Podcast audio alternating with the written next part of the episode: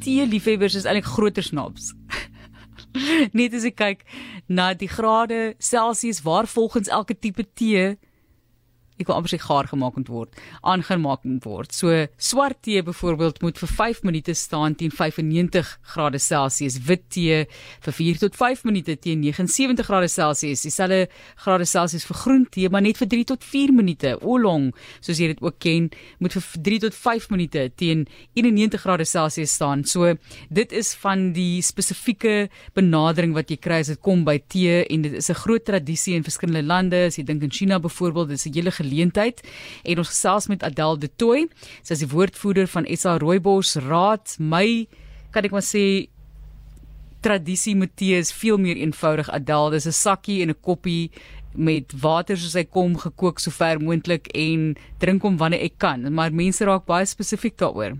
Ja, natuurlik. Ek dink jy mis 'n bietjie uit. Daar's groot geleentheid om bietjie 'n okasie te maak van die tee drink en natuurlik om jou eie brousel te meng en te pas soos wat jy daarvan hou. Ja, daardie oomblik wat ek ervaar wanneer ek by die huis kom in die middag en 'n koppie rooibos tee drink is een van my gunsteling tye en ek natuurlik weet ons is baie gesond, verskillende tees wat goeie voordele vir jou bied. Kom ons gesels net gevinnig oor tee en tisanes. As ek dit reg uitspreek, Adel, kan jy vir ons verduidelik wat dit is? Sekerlik. So tee soos wat ons wat die regte manier is om na tee te verwys is na die na enige warm drankie wat gemaak word van die plant Camellia sinensis en dit is die tradisionele tee wat ons ken wat uit die ooste uitkom. Um 'n tisaan is enige iets anders, soos byvoorbeeld rooibos of ander krye mengsels en krye aftreksels verwys ons dan dan na 'n tisaan. So ons is so gewoond aan om na rooibos te verwys as 'n tee, maar eintlik is die regte manier 'n tisaan. Kyk, die woord tee word maklik gebruik heen en weer, né? Selfs met daai bokashi emmertjies waarin jy jou weggooi natprodukte sit, dan noem hulle dit 'n tee wat onder uitkom wat jy nou oor jou plante gaan strooi Correct. en is fantasties vir jou tuin. So nee. die woord tee, gebruik ons dit bietjie te los of dink jy dit is korrek? Soos jy nou sê van dit kom van die plant en van dit kom van hierdie byvoorbeeld lieflike kruie wat ons gebruik. Ja, ek dink um, uit ons volksmond uit is ons gewoond aan enigiets wat 'n aftreksel binne in 'n in water maak wat nou natuurlik nie nie van 'n dit soos 'n beenaftreksel of 'n gekookte aftreksel is maar 'n plantmateriaal wat in 'n wateraftreksel is. Vernoem ons nou na 'n tee. Maar dit is nou interessant dat jy verwys na die bokashi tee want selfs die tee wat ons gebruik wat uit aardwurms as jy 'n aardwurm plaasie by jou huis het soos ek, ehm um, verwys ons ook na tee. So beslis baie los. Ons kan eintlik net na die Camellia sinensis regtig verwys as 'n tee. Goed, dan is daar natuurlik 'n hele spektrum wat jy ook van praat, maar vat ons deur die tipe tee. Ek het nou verwys na hulle, maar dalk bietjie meer van hulle oorsprong en hoe hulle bekend staan, byvoorbeeld so swart tee wat ons baie keer ken as Earl Grey byvoorbeeld. Seker, so die mees algemene tee variëteite sluit in swart, groen, wit, oolong daar self 'n perstee en 'n puree tee. Hoop ek spreek daai ene korrek uit. En al die kom meestal van die Camellia sinensis plant af, maar dit word verskillend verwerk. So byvoorbeeld met swart tee oksideer hulle die tee of hulle laat dit fermenteer. Met 'n wit tee pluk hulle regtig net die puntjies van die van die plant af en hulle droog dit onmiddellik. Groen tee word nie gefermenteer of verder verwerk nie. So daar's verskillende maniere om die plante ehm um, te verwerk en om te droog en dit gee dan vir jou verskillende variëteite van die Camellia sinensis teeplant. Jy praat ook van droë en vars tesane en ek moet sê ek so nou en dan is geneig om 'n stukkie gemmer, vars gemmer Oeh, in 'n koppie kookwater te laat staan. Baie goed vir jou natuurlik. Dit is soos wat jy van na verwys die vars tesaan. Ja, so jy kry 'n klomp variëteite of verskillende maniere hoe jy dit aan kan maak.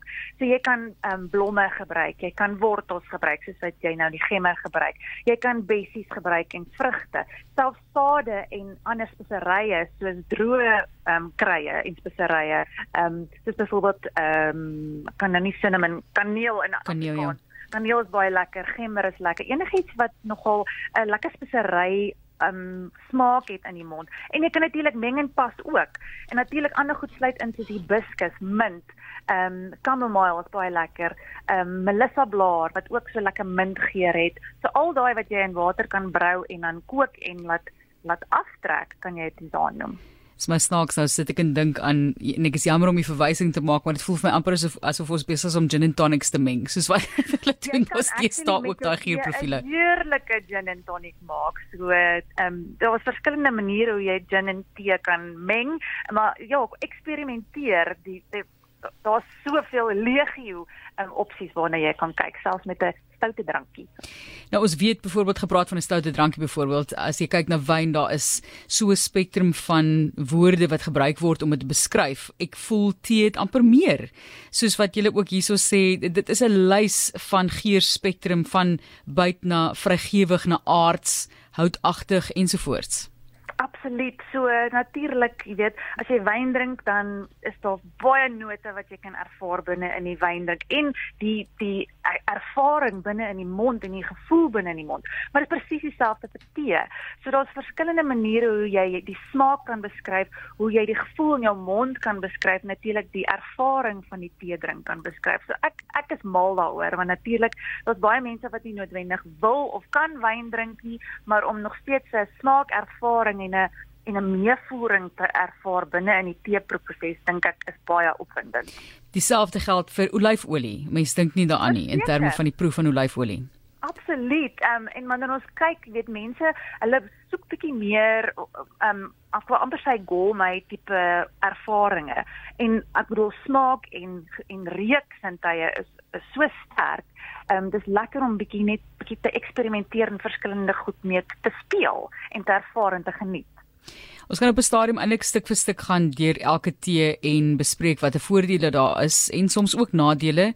Ek het al ervaring van groentee, maar dis my persoonlike ervaring. Ek moet dit meng met iets anders anders te maak dit my baie naar. Is snaaks. Okay. As ek hom gedrink het, gee vir my maak hy vir my naar. Ek dink is maar net dalk maak ek hom te sterk aan. Ek het sommer so twee sakkies in 'n koppie gegooi vir die voordeel van gesondheid, maar Adel, daar is baie voordele in terme van gesondheid as ek kom by tee. Daar is. So, ehm um, spesifiek wanneer ons kyk na rooibos, is dit uitstekend want dit is kafeïnvry. Gewone Ceylon-tees bevat kafeïne, so mense wat ehm um, sensitief is vir kafeïn, miskien nie noodwendig baie goed vir hulle nie. Maar aan die ander kant, as jy nie 'n probleem het met kafeïne nie, meeste van tees ehm um, bevat antioksidante in verskillende vorms en ehm um, hoeveelhede. So tee drink is 'n is 'n baie gesonde manier om 'n drankie in te kry veral vir mense wat nie baie daarvan hou om water te drink nie, nie noodwendig hou van die smaak van water nie. Met tee aan die ander kant kan jy die smaak ehm um, ek wil amper sê manipuleer of verbeter na volgens wat jou smaak is, jou persoonlike smaak. Adelso van persoonlike smaak gepraat, ehm um, die tee konnoisseurs. Hulle hmm trek baie keer hulle neuse op vir die manier waarop ons 'n sakkie net so 10 keer dip en dan maak ons nou gou vinnig hier tussen twee programme gemaak hier vir jou iets of dalk in jou teetyd. Maar om tee werklik te te brou, um, hulle hou van die woord gebruik teenoor tee te laat trek. Ehm um, ja. Is daar is daar 'n waarheid in dat jy die tee se smaak sal verbeter indien jy dit dan nou korrek uitvoer? Kan nie dink dat 'n teesakkie 'n verskil kan maak aan die smaak nie, maar dit is my persoonlike opinie. Ehm um, as jy nou regtig 'n suiwer aan jy weet aan klank wil vat, dan dink ek dit is goed as jy nie noodwendig 'n sakkie gebruik nie. Maar ons, ons leef in so 'n kits wêreld waar ons weet aan die gang is en ons is besig en ons het nie noodwendig altyd die die moontlikheid of die ehm um, tyd selfs om dit tee te brou soos wat hy moet gebrou word nie. Maar spesifiek nou dat jy noem ehm um, brou of miskien selfs kook op 'n stoof. So rooibos tee is baie goed nie noodwendig as jy die teesakkie laat lê en brou binne in 'n teekoppie nie, maar as jy die teesakkies binne in 'n in 'n teepot sit en op jou stoof bietjie laat prit en kook, dan gaan daai antioksidantwaarde wat in die tee is verbeter en natuurlik die smaak gaan ook verbeter. So die soet karamel amper ehm um, heuning tipe geur geur mm. of um, smake binne in rooibos tee uitkom as jy dit langer brou. Ja, as hy so dag wil ek amper sê gestaan het daar op die aga stoof en jy skink en dan is dit dan 'n ander Precies. smaak wat jy kry. Daar is niks anders ja. as dit in die hele wêreld nie. En dit is interessant waar jy kos sal doodkook andersom. Ehm um, ontsluit dit die goeie die minerale en die dinge uit daardie tee uit, né? So dit werk so 'n bietjie andersom met rooibos.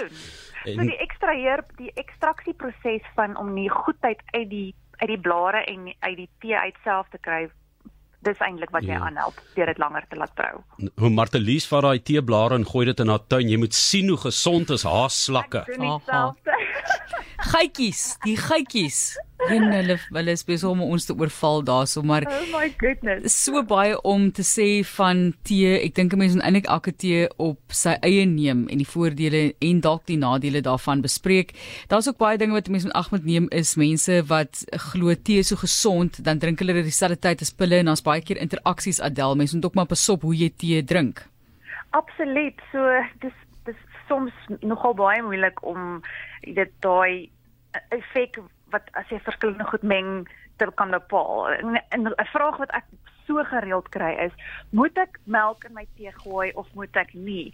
En natuurlik wanneer jy melk ingooi, dan verander jy die komposisie van die tee, maar nog steeds jy kry nog steeds die goeie antioksidante en die ander ehm um, gesondheidseienskappe uit die tee uit. So ek dink bietjie melk is oukei, okay, maar suiker sal ek definitief vermy.